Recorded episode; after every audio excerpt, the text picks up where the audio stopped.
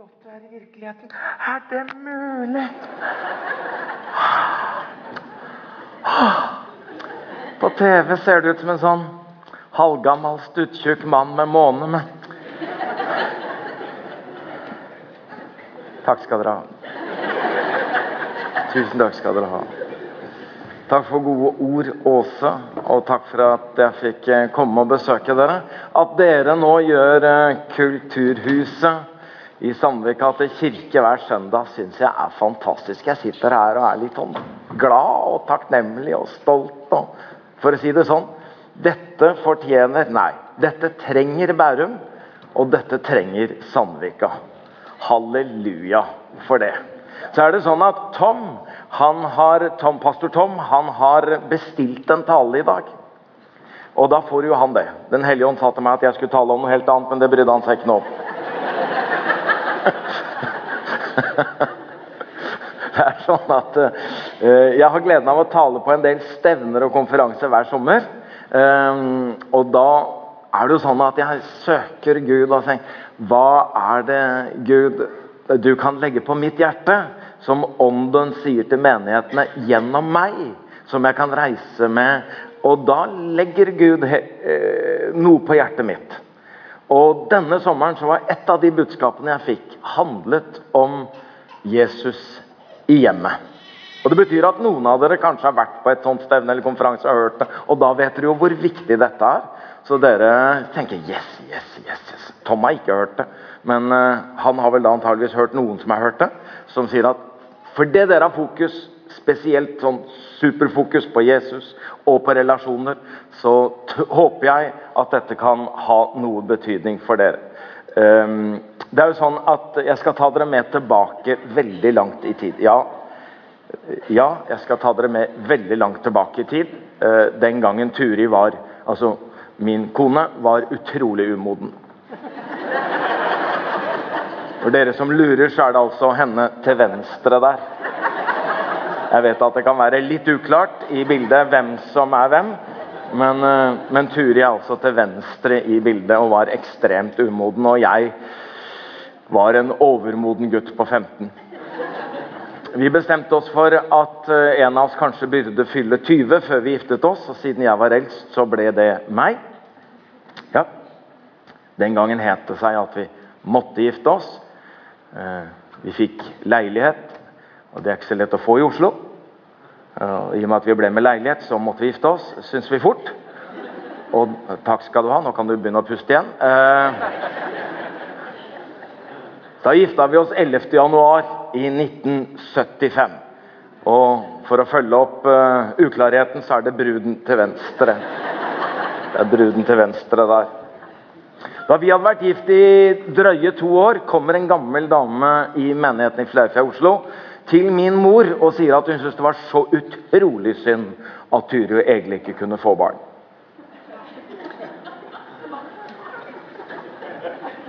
Det visste ikke vi noe om. Men gamle damer i menigheter vet nesten alt. Så hun syntes det var så synd at Turu egentlig ikke kunne få barn. Og så sier hun til mor men jeg ber for dem hver dag. Jeg ber for dem hver dag at de må få barn. Mor fortalte meg dette med litt glimt i øyet og litt irritasjon over denne pågående omsorgen til denne gamle damen som fulgte oss med sine bønner inn i soverommet hver dag. Så når vi hadde fått våre fem første barn på under åtte år, så begynte jeg å be.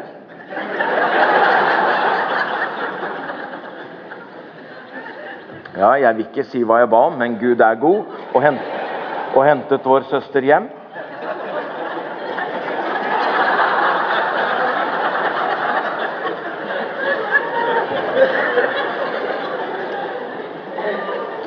Så det blei med de fem.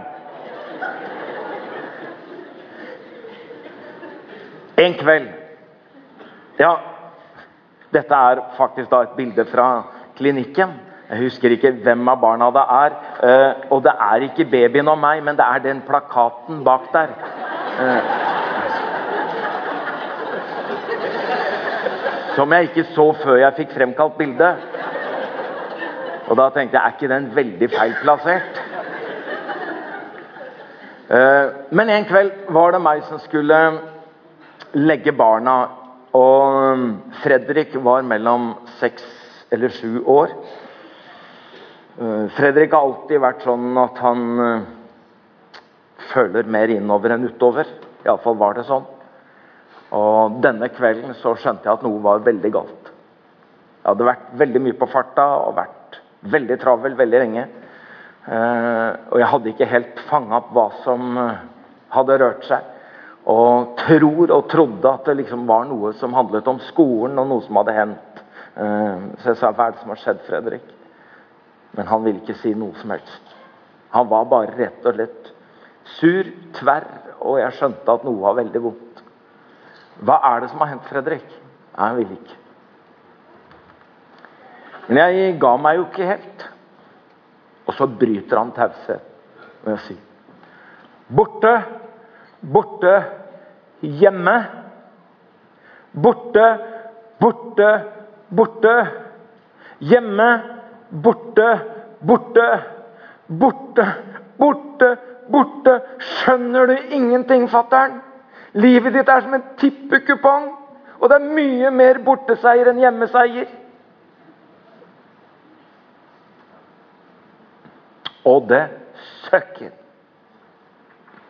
Det søkker som et slag rett i hjertet. Og det var jo så sant.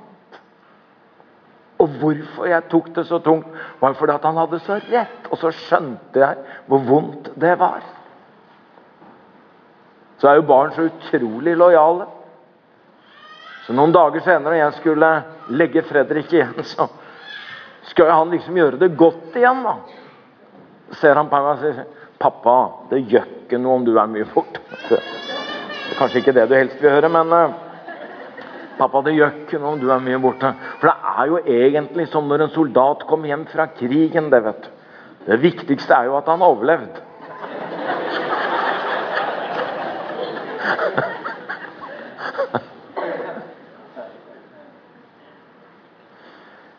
Vi skal jo ha med oss så utrolig mye.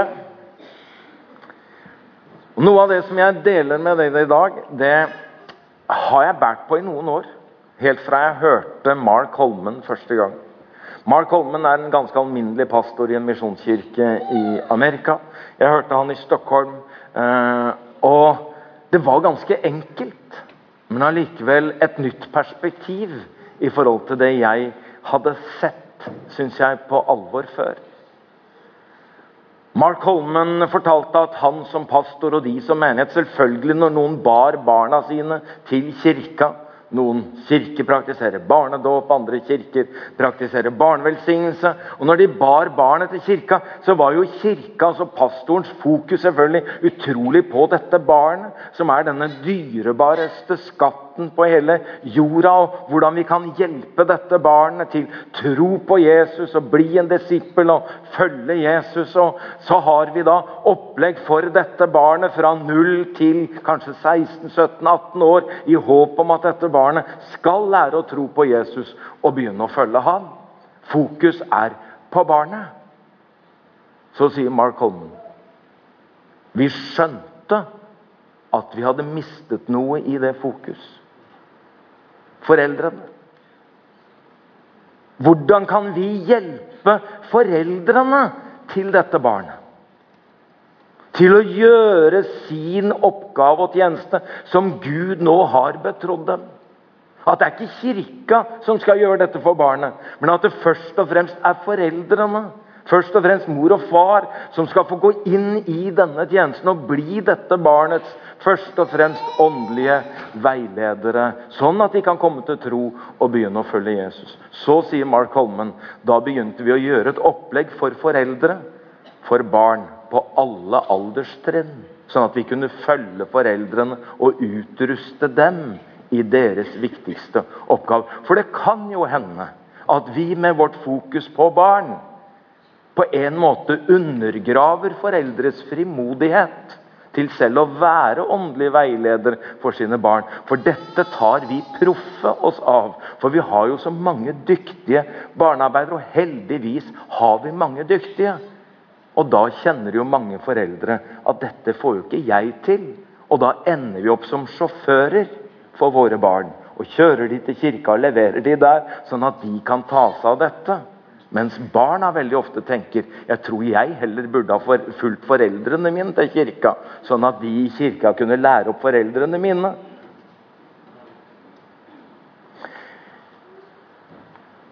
Han baserer denne boka på en del han, eh, Boka er gitt ut på norsk. Willow Creek Norge. Eh, jeg har hørt han i flere og lest eh, dette begrepet, som har blitt ganske kjent, 'Faith begins at home'. Så har vår egen Jarle Valdemar tatt tak i noen av de samme undersøkelsene, for det er ikke gjort tilsvarende undersøkelser i Norge. Eh, men tatt tak i de samme undersøkelsene, noe av det samme perspektivet, samme inspirasjonen og motivasjonen. Og når jeg nå sier hjemmet, så ikke tenk ja, men jeg har ikke barn. For hjem har jo du som bor på hybel, hjem har jo du som bor alene, hjem har jo du som har voksne barn. Altså, Tenk hjem og familie i et mye større perspektiv enn bare mor og far og små barn. Men Jarl Valdemar har altså tatt tak i dette, skrevet en bok som er gitt ut på Hermon i sommer. Og ikke bare inspirasjon og motivasjon, men gode verktøy for foreldre med barn i ulike alder om hva man kan gjøre sammen for å være med og bygge noe av tro, noe av etterfølgelse inn i våre barn. Høres det bra ut? Vi lever i et av verdens rikeste land. Og i og med at vi har så utrolig mange tilbud, så er det jo ikke lett å få med seg alt. Og det er veldig lett å glemme noe. Og veldig mye av det vi glemmer, er ganske uvesentlig. Småting, paraplyer, bagateller. Og vi kan leve godt uten det meste av det vi mister eller glemmer igjen. Det er klart det er plagsomt når kirurger glemmer sakser i de de opererer, og det ikke kommer til syne før man tar nye bilder. Det er jo liksom Oi, det var der saksa mi var, ja. Jeg, Jeg som har leita så fælt etter den, og der lå den så er det klart at det er jo ikke alt som er like greit å glemme hvor. Eh, og eh, denne hotellkjeden Travelodge de, de, gjorde en oppsummering faktisk av hvor mange ben- og armproteser de fant på rommene som var gjenglemt på hotellene, bare i løpet av ett år. Og I denne hotellkjeden Travelodge telte de opp 80 80 arm- og benproteser i løpet av ett år som var gjenglemt på hotell. Eh, det er ganske utrolig, og jeg har tenkt Hvor langt hopper du på ett ben før du tenker Har jeg glemt noe nå?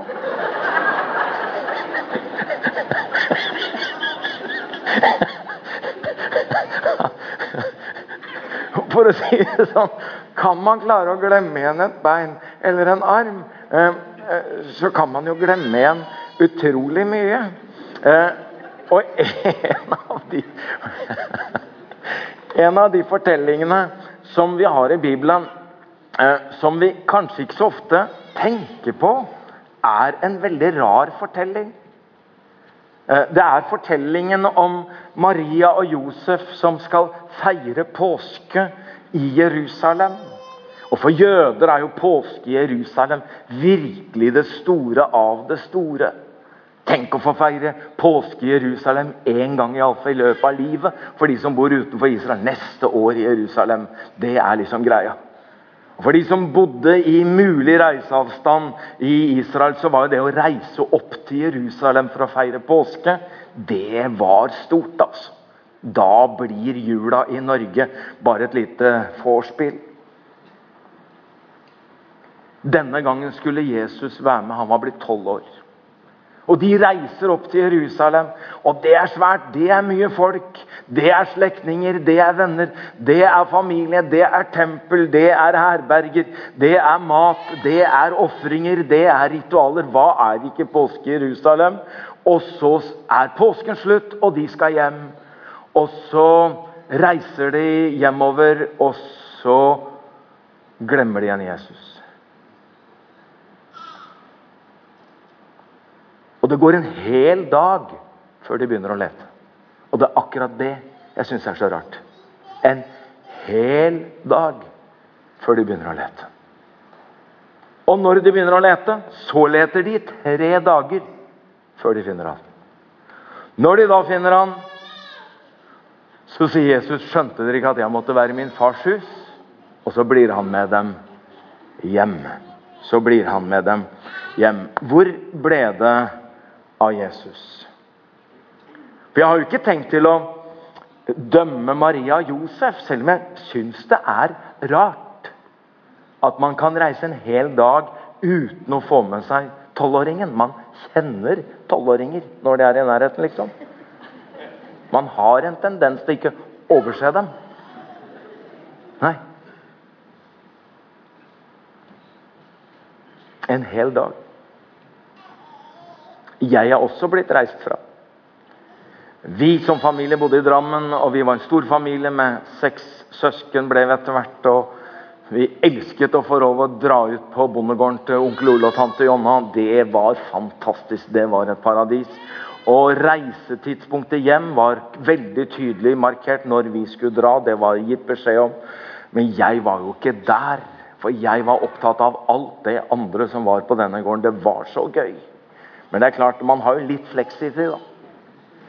Men når jeg kommer inn på gården, så ser jeg bare bakelysa på bilen til mor og far som kjører av gårde oppover veien. Og i de dager med så mye forkynnelse om Jesu gjenkomst var jo dette en traumatisk opplevelse. Der drar de. Her er jeg. Og jeg gråt. Og jeg gråt. Jeg kjente meg rett og slett etterlatt. Nå er det jo heldigvis sånn da, at de reiste jo liksom ikke sånn en hel dag før de liksom Oi, vi mangler visst en her. Nei, nei, de kjørte ikke så mange kilometerne før de snudde og kom tilbake igjen for å hente meg. Kanskje ikke så mange minuttene heller før de kom tilbake og hentet meg. Det er derfor jeg blir litt forundra. Maria og Josef, hvordan kunne det gå en hel dag uten at dere tenkte på det? At uh, Ja, han klenger jo ikke på oss. Han spør ikke om is og pølse hele tiden. Så, så det er ikke så nært. Men, men hvordan kunne det gå en hel dag? Men de er jo ikke de eneste som har reist fra Jesus. Det er veldig få i hele tatt som tar et tydelig avskjed med Jesus. Det er veldig få som jeg møter som sier at jo, jeg var en kristen, men på et eller annet tidspunkt så tenkte jeg nå tror jeg ikke mer. Så da sa jeg til Jesus takk for nå og takk for følget. Her skilles våre veier. Fra nå av er jeg ikke kristen, eller nå blir jeg en frafall. Nå går du den veien, jeg går denne veien. Nå er det slutt mellom oss. Det er veldig få som gjør det. Veldig mange av de jeg treffer, de bare sier 'Jeg giftet meg. Vi fikk barn. Jeg begynte å jobbe. Jeg gjorde suksess, eller jeg måtte tjene penger. Livet ble egentlig bare så travelt at det ble så mye. Så selvfølgelig var ikke Jesus så nær lenger som han hadde vært før. Det var ikke sånn at jeg ba eller tenkte på det hver dag. Men etter en stund, noen år, så skjønte jeg at nå var han jo helt borte fra livet mitt. Han var rett og slett ikke der lenger. Noen har gjort som Inger-Lise Rypdal, som jeg intervjuet for noen år siden, som sa hjemme på Toten, der var Jesus. Bestemor, hun var en varm troende. Mor tok meg med på møter. Jeg gikk på søndagsskole. Vi var med i pinsemenigheten.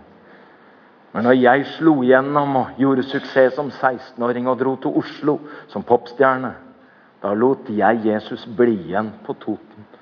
For jeg trodde ikke han passet i det miljøet der. Veldig mange gjør den erfaringen. At livet blir bare fylt med så mye annet. At først er han bare ikke så merkbar, så nær. For på et seinere tidspunkt å oppdage han er jo egentlig borte fra livet mitt. Noen av de undersøkelsene som da er gjort blant folk som kommer fra såkalte kristne hjem, som har hatt med seg troen hjemmefra, har man funnet ut i Amerika at tre av fem Tre av fem Og noen undersøkelser peker helt opp imot 80% men det ligger mellom 60 og 80% så er det sånn at tre av fem barn fra kristne hjem har mistet troen før de har fullført videregående skole. Det er stor prosent. Tre av fem prosent. Når det spørres hva kan årsaken være, så oppgir disse i hovedårsak to grunner. Det ene er Gud var viktig i kirka, men han var ikke viktig hjemme.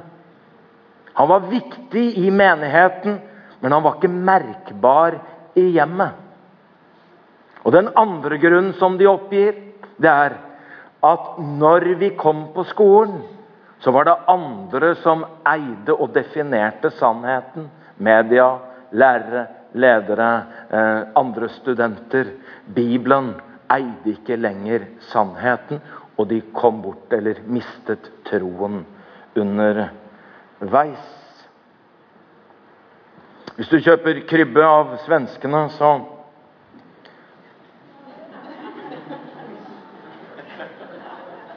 skal du iallfall vite at Jesus fins bakom kassa. For det var jo det han spurte mammaen sin om, gutten som kom ut av julaftengudstjenesten. Når de kom ut på trappa. 'Mamma, hvor gjør de av presten til neste jul?' Han så jo bare presten en gang i år.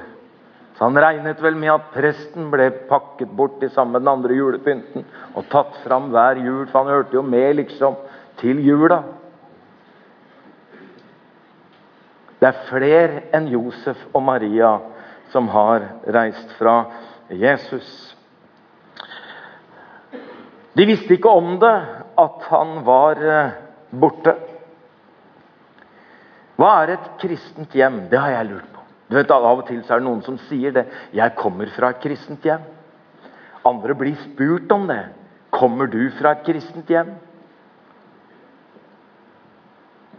Det er jo veldig naturlig å spørre ja, hva er et kristent hjem? Vi har jo lenge kalt oss et kristent land. Nordmenn er et kristent folk. Vi har eh, kristne aviser. Hva er en kristen avis? Vi har til og med kristen kultur. Hva er kristen kultur? Vi har kristne skoler. Vi har kristne formålsparagrafer. Vi har til og med kristen politisk parti. Hva er det? Hva er det som gjør at noe er kristent? Hvis f.eks. Jesus ikke er levende til stede i det som kalles kristent, og preger dette, er det da kristent? Hva er kristent? Hva er et kristent hjem?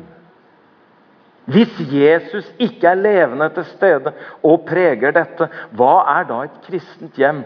Maria og Josef tenkte jo først ja, Han er ikke nær, han er jo ikke her. Men, men, men han er jo liksom i, i miljøet. Eh, vi, vi,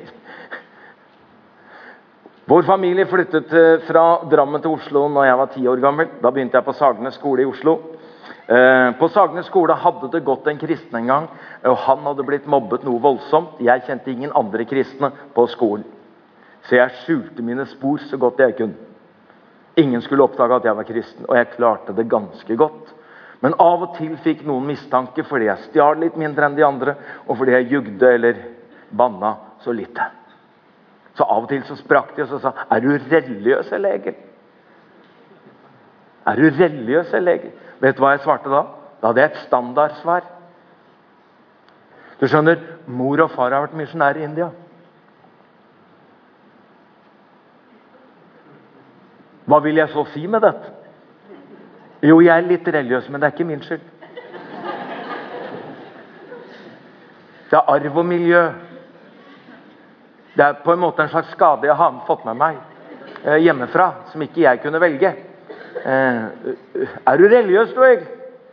Og det er klart at Når du har vokst opp i et kristent hjem og svarer at mor og far har vært misjonærer, så er det klart at han er jo i følge, på en måte, i miljø. Jeg har jo vokst opp i menighetsliv med en kristen mor og kristen far. Jeg, jeg har jo vært i dette miljøet fra jeg var liten. Men jeg kan jo ikke Jo, jeg kunne si det når jeg var 14, og noen kunne kanskje synes at det er ganske søtt at jeg sier uh, at, at, mor og far har vært misjonærer. Men det er jo veldig dumt å si det når du er blitt 40. Virker ikke det veldig rart når du er 60? da? Jeg sier at jeg, jo, du skjønner, jeg har vokst opp i Norge. Eller jeg er konfirmert. Eller skjønner Det er kona, skjønner du. Det er kona. Og det er veldig fint at du fins i det miljøet. Men sankthansaften i 1968 satt broren min og jeg ved siden av hverandre på første benk på galleriet i Philadelphia, Oslo, på et møte. Predikanten preka, og det brøyt i oss begge. Vi skjønte at vi kunne ikke lenger bare gå og skylde på mor og far. Nå måtte det være våre valg, mitt valg. Og predikanten han kalte til etterfølgelse og omvendelse og sa at du som vil ta imot Jesus som din frelser, kan løfte hånda di. Og jeg så at Roar løfta hånda si. Da sa han, dere som har løftet hendene deres, dere kan reise dere. Roar reiste seg. Da sa han, dere som står, dere kan komme fram, så skal vi be for det. Da begynte Roar å gå. Og da tenkte jeg, det vil jeg også. Jeg reiste meg og gikk. Så sankthansaften 1968 bøyde jeg kne og sa nå er jeg ikke kristen lenger, for mor og far har vært misjonærer i India, eller fordi han er i et reisefølge, men fordi jeg tror på Jesus Kristus. Han er min frelser, og jeg vil følge ham. Det er fint at du går på møter. Det er fint at du har med deg enten barna dine om Jeg vet ikke om barna dine har fulgt deg, eller du har fulgt barna dine, eller om du er av hensyn til en ektefelle. Men det er vel på tide at du selv tar et valg om hvem du er, og hvor Jesus skal være i ditt liv og i mitt liv. Det første du gjør, er å begynne å lete blant slektninger og venner. Men de finner han ikke der. Og det er ikke alle som finner han der. Det er ikke alle som er så heldige. Når de da spør disse som blir bevart i troen, om hvem som var de viktigste rollemodellene eller viktigste kildene til at de ble bevart i troen, og de gjør denne undersøkelsen grundig, så er det 81% av de som blir bevart i troen, som oppgir mor som viktigste årsak. Som oppgir mor som viktigste årsak. På annenplass kommer far. 61% svarer far. Og jeg må jo si, gutta, vi kommer på annenplass, men det er jo hyggelig at vi er med. Og jeg er dessverre redd for å måtte si at altfor mange av oss gutter og mannfolk abdiserer fra vårt åndelige ansvar hjemme og overlater det til utrolig mange fri, eh, fromme og frimodige kvinner og mødre. Vi gutta har liksom helt andre greier som vi holder på med. Vi skal lære gutta å kjøre, og vi skal lære dem idrett, og vi skal lære dem veldig mye annet. Men veldig mange av oss har abdisert fra vårt fremste ansvar å være våre barns åndelige veiledere og deres sterkeste og viktigste påvirkningskilder. Kanskje det er et tegn på at vi er så viktige, men at vi kanskje skulle tatt ansvaret vårt litt sterkere. I Amerika så er pastoren i menighetene ganske tydelige og synlige i familienes liv. Så pastoren kommer på tredjeplass. Og på fjerdeplass, fjerdeplass kommer bestemor og bestefar. Hør. Av de fire viktigste personene og rollemodellene i livet til de som blir bevart i troen, er tre fra den aller nærmeste familien. Vi har kanskje overfokusert kirkas betydning. Hva som skjer i kirka, hva som skjer i menighetens regi. Og kanskje underfokusert mors og fars og familiens rolle og vår betydning. Sånn at de som leter blant slektninger og venner, kan finne ham. Jeg syns at jeg har reist Norge på kryss og tvers og snakka med mange mennesker om tro og tvil. Og jeg syns at jeg oftere og oftere får referanser ikke til en kristen mor eller kristen far, men de fleste nå går tilbake til bestemor eller bestefar.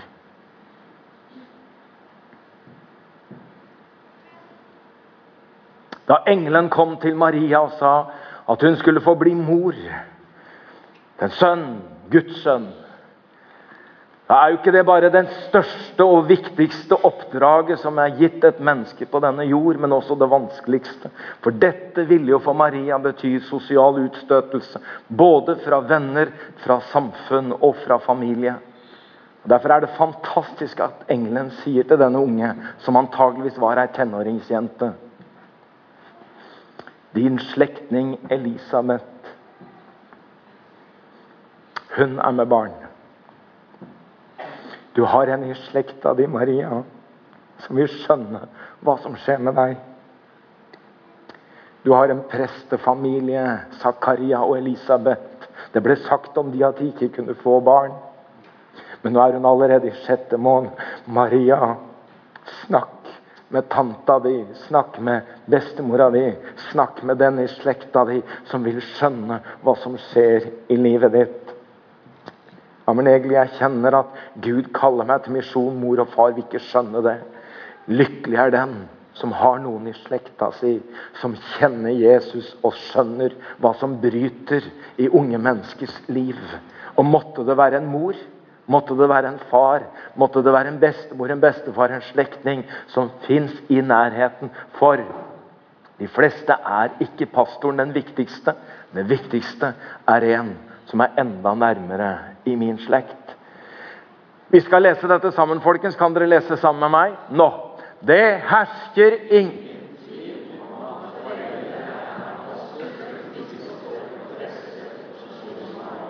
For det er foreldrene som gjør dem kjent med evangeliet. Hør! Det hersker ingen tvil om at foreldre er apostler, biskoper og prester for sine barn. Og det er Martin Luther som sier det. Martin Luther sier vi er apostler, prester og biskoper for våre barn. Og vi som har endt opp som sjåfører og syns at vi gjør en fantastisk innsats for våre barn når vi kjører dem. Og Det er jo ikke noe gærent å være sjåfør, og er du ikke en kristen og kjører barna dine Herren velsigne deg. Men er du en troende, så har du ikke kall bare til å være sjåfør, men apostel, prest og biskop for våre barn, sier eh, salige Martin Luther. Helt fram til midten på 1800-tallet ble familien kalt Den lille kirken. Den lille kirken. Og Det betyr jo at man fostret foreldre. Denne lille katekismen vet du, var jo egentlig bare skrevet for at den skulle hjelpe folkene til å formidle troen i hjemmet. Det er derfor denne katekismen kom. Ja, hvor er det de søkende Går det bra med dere, folkens? Ja, Det er gode stoler her. Utrolig gode stoler. Er det rett å sove her? Det er ikke det. Nei, det er ikke det. Det går fint. Ja, vet Det heter seg at hvis man har tatt alle de som sitter på norske kirkebenker og sover, og lagt etter hverandre på gulvet, hadde de sovet mye bedre. Hadde de sovet mye bedre. Ja har en kollega som drømte at han sto og preka. Og så våkna han. Så skjønte han at det var det han holdt på med.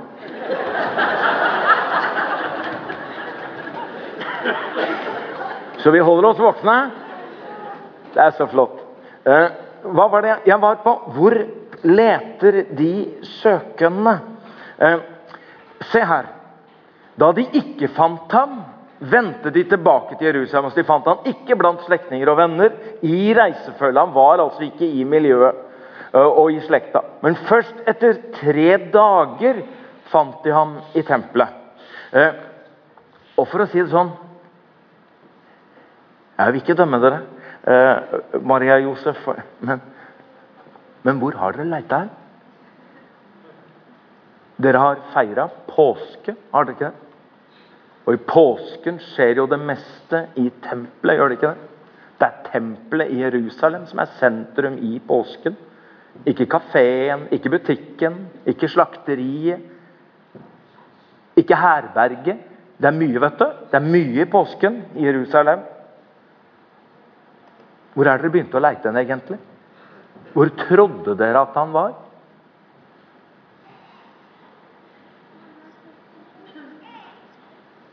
Vi har hatt vekkelse i Norge de siste tiåra. Religiøs, spirituell, åndelig vekkelse. Og folk leiter overalt. Nesten i hva som helst. Og vi sier det er rart at folk søker i så mye rart når svaret er så opplagt. Tovedal, som mange av dere kjenner, psykiater her fra Asker, var jo ateist-agnostiker. Jeg intervjuet Tove rett etter at hun eh, ble en kristen. Tove forteller at hun møtte et overnaturlig fenomen gjennom sin praksis. Og det utfordret henne veldig som ateist. For hun kunne ikke forklare dette fenomenet verken logisk eller psykologisk.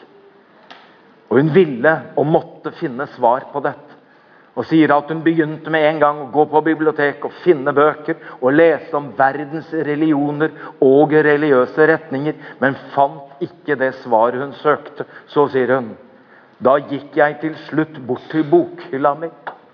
Der tok jeg fram konfirmasjonsbibelen min. Jeg leste Bibelen igjennom én gang og Nytestamentet to ganger, for jeg skjønte at her er det jeg søker.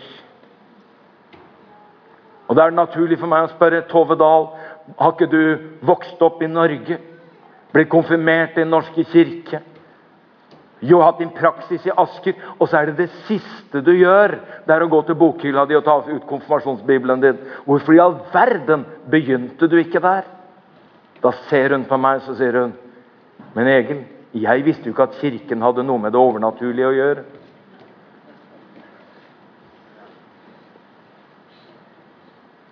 Hvor har dere leita hen i tre dager uten å finne ham?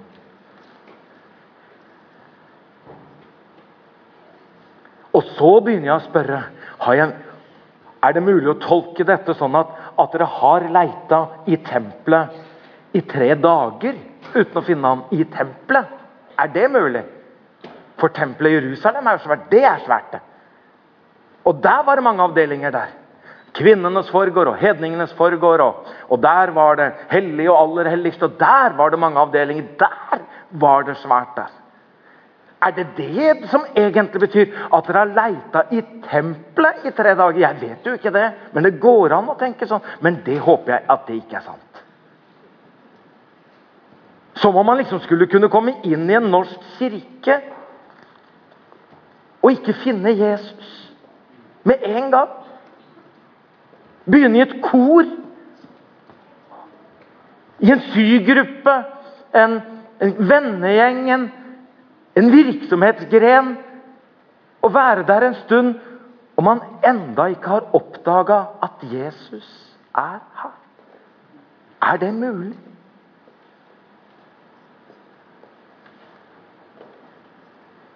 Jeg vet ikke hva Pinsekirka i Bærum er kjent for i Bærum, men jeg håper at dere er mest kjent for Jesus Kristus. Jeg håper at hver kirke, hver menighet, uansett særtrekk, uansett historie, uansett navn, er kjent for én ting. Det er Jesus Kristus. For ellers er det jo ingen kirke. Man skal jo oppdage det og oppleve det med en gang. Dette er Jesus Kristus. Det er jo det alt dreier seg om. Uansett virksomhet, uansett arbeidsgren, uansett hvilket rom jeg kommer inn i, så finner jeg Jesus overalt i denne kirka. For uansett hvem jeg møter, så snakker de om, så er de opptatt av Jesus Kristus. For hva er en kristen kirke hvis den ikke handler om om Jesus. Henger dere med, folkens? Du vet at Når de finner han, så sier han Hvorfor lette det? Skjønte dere ikke at jeg måtte være i min fars hus? Tolv år gammel. Tolv år gammel. Tolv år gammel. Nå vet jeg at jeg strekker denne teksten. Og jeg vet ikke om jeg gjør Jesus rett eller urett. Men han er så klok, han er så skarp på dette tidspunkt at han holder samtaler med de skriftlærde og de religiøse lederne. De forundrer seg over spørsmålene han stiller. Men kanskje han forundrer seg vel så mye over de svarene han får. Kanskje han selv kjenner som tolvåring dette huset kalles Guds hus. Men Gud bor ikke i dette hus. Kanskje det er det han sier til mamma og pappa. Dere skjønte vel at jeg måtte fylle dette huset som min far er her. At Gud fyller dette huset rommet. Kan du ha opplevd allerede som tolvåring Jesus tomheten i tempelet i Jerusalem, i ofringene, i sangene, i bønnene, i virksomheten? At det egentlig var et skall, og at du noen år senere, når du har gått inn i den offentlige tjeneste og renser tempelet i Jerusalem for pengeveksler og duekremmere og alt hva det måtte være, for at ditt hus skulle være et bønnens hus. Er det allerede som tolvåring du kjente dette huset må fylles, og det må fylles med Gud. Med Guds nærvær. Amen. Amen. Det enkle spørsmålet som jeg stiller i dag, er Jesus hjemme? Så får du vurdere også hvor jeg legger trøkken. Jeg hadde ikke tenkt sånn på det. Men med mange barn boende hjemme i sin tid, så kom det jo også mange på døra. Kamerater, venner. Fredrik hjemme er, Kristoffer hjemme er, Karoline hjemme er. Karoline og Benedikte og Pernille hjemme. Kjære Gud. Utrolig mange å spørre etter hele tiden. Men eh, og Av og til måtte man jo si at nei, de er borte, og av og til kunne man jo si ja, de er hjemme. Hva skulle du svart hvis en kom og banka på døra di en dag og spurte unnskyld, er Jesus hjemme? Altså her hjemme, men er det det du mener? Hjemme hos oss? I vår familie? I mitt liv? Er det det du spør om? Jeg tror du må ha misforstått. fordi at du skjønner, Vi har noen bygninger som Gud bor i. Sånne med spir. Det kalles kirker. Det kaller vi Guds hus. Og det er veldig fint, for da veit vi hvor han er hen. Og han har åpning hver søndag klokka 11. Så det er feil dag. Og det er feil tid. Og det er feil adresse. Han bor ikke her, skjønner du. Det er lenger borti gata der. Og du finner det med dette bygget med spire på. Bare vent til søndag. Og vi kaller kirkene for Guds hus. Selv om vi vet at Gud ikke bor i bygninger bygd med hender.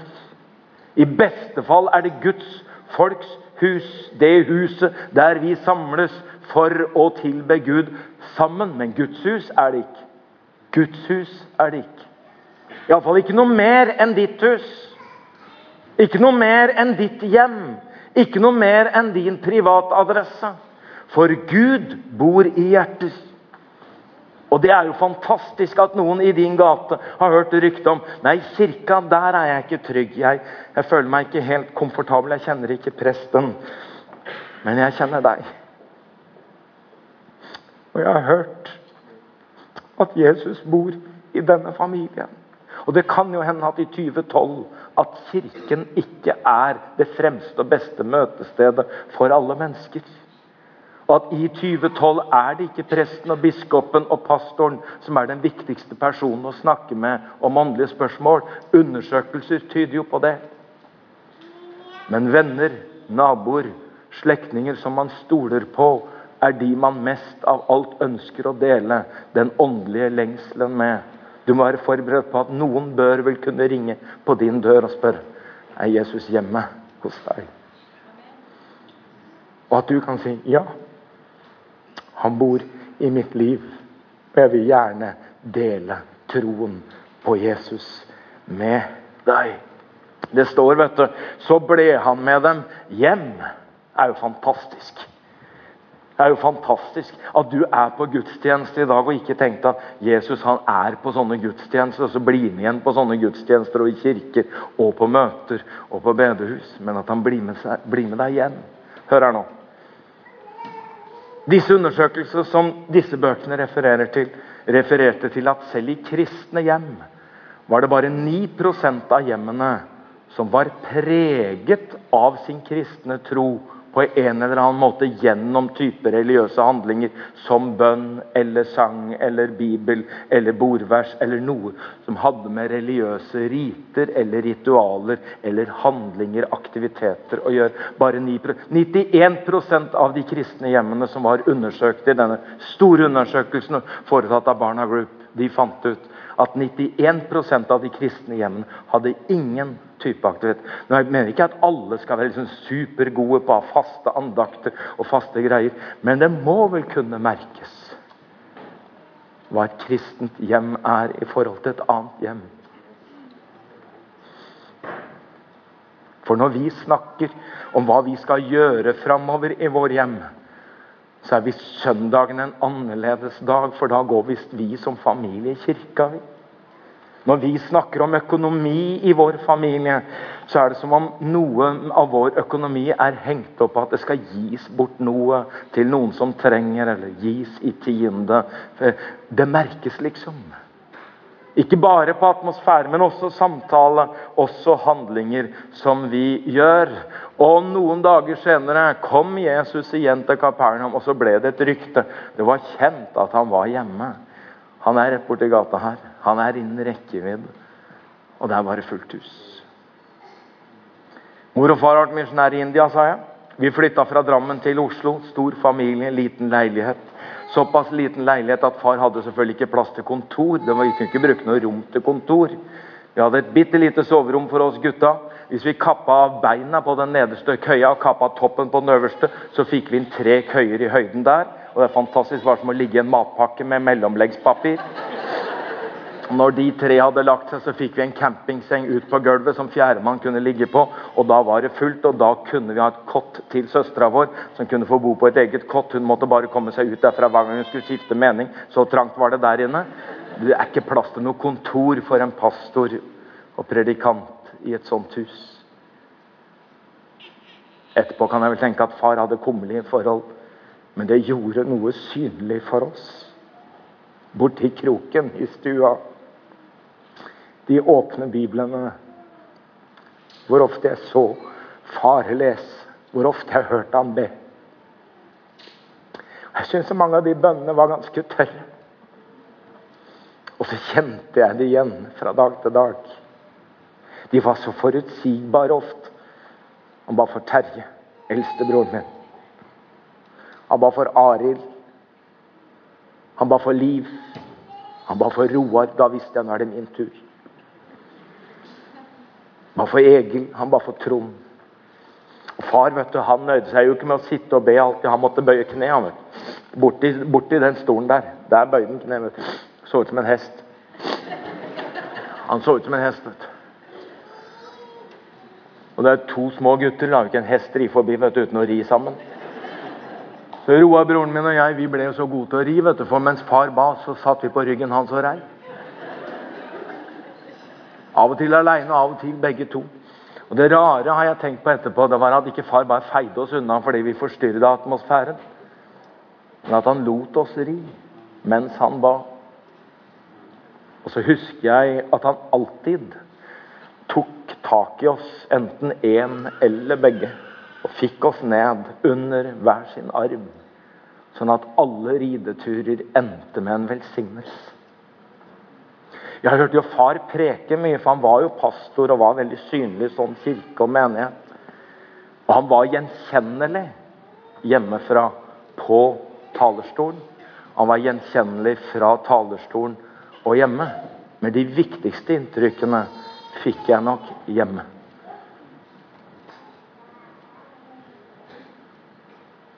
Av og til har vi i sånne menigheter som dette barnevelsignelse. Det skal vi ha fantastisk når Gud betror oss barn. Men veldig ofte burde vi ha foreldrevelsignelse. Bære fram foreldre som er apostler og prester og biskoper for sine barn. Og at de virkelig kjenner Guds velsignelse over det største oppdraget som vi har fått. Og Kanskje vi kunne slutte med det og ha en foreldrevelsignelse. At vi kunne si Nå vet jeg at dette handler om single, dette handler om bestemødre, det handler om alle slags familierelasjoner. Men jeg har lyst til å si dere som har barn i en eller annen alder boende hjemme, som er far eller mor eller begge deler, og har barn boende hjemme, kan jeg spørre om dere kan reise dere?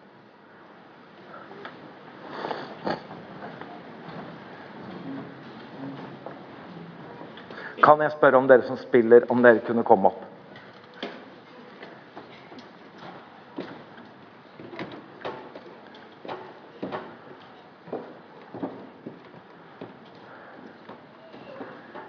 Kan jeg også spørre hvis dere er komfortable med det, dere som sitter i nærheten. Dere som sitter i nærheten av noen av de som står. At alle de som står, har en eller annen som legger en hånd på skulderen til en av de som står. Bare han kjenner at de får en hånd på skulderen, og at den som gjør det, velsignes. Velsignes. Du vet at det ikke først og fremst er kirkas oppdrag, det er ikke først og fremst barnas oppgave, eller barnearbeidernes oppgave. Du vet at du ved å få barn også ble apostel, prest, biskop for dine barn. Og at du sjøl ønsker å være en modell, en rollemodell og en veileder. Det betyr ikke at du behøver å være perfekt. Det betyr ikke at du behøver å være super på noen måte. Det kan bety at du må være ærlig. Det kan bety at du må innrømme og bekjenne, men først og fremst ditt hjertes lengsel om å være en rollemodell for dine barn. Så vi bare be? Kan dere spille litt, og så bare nedbe vi Guds velsignelse over de som står.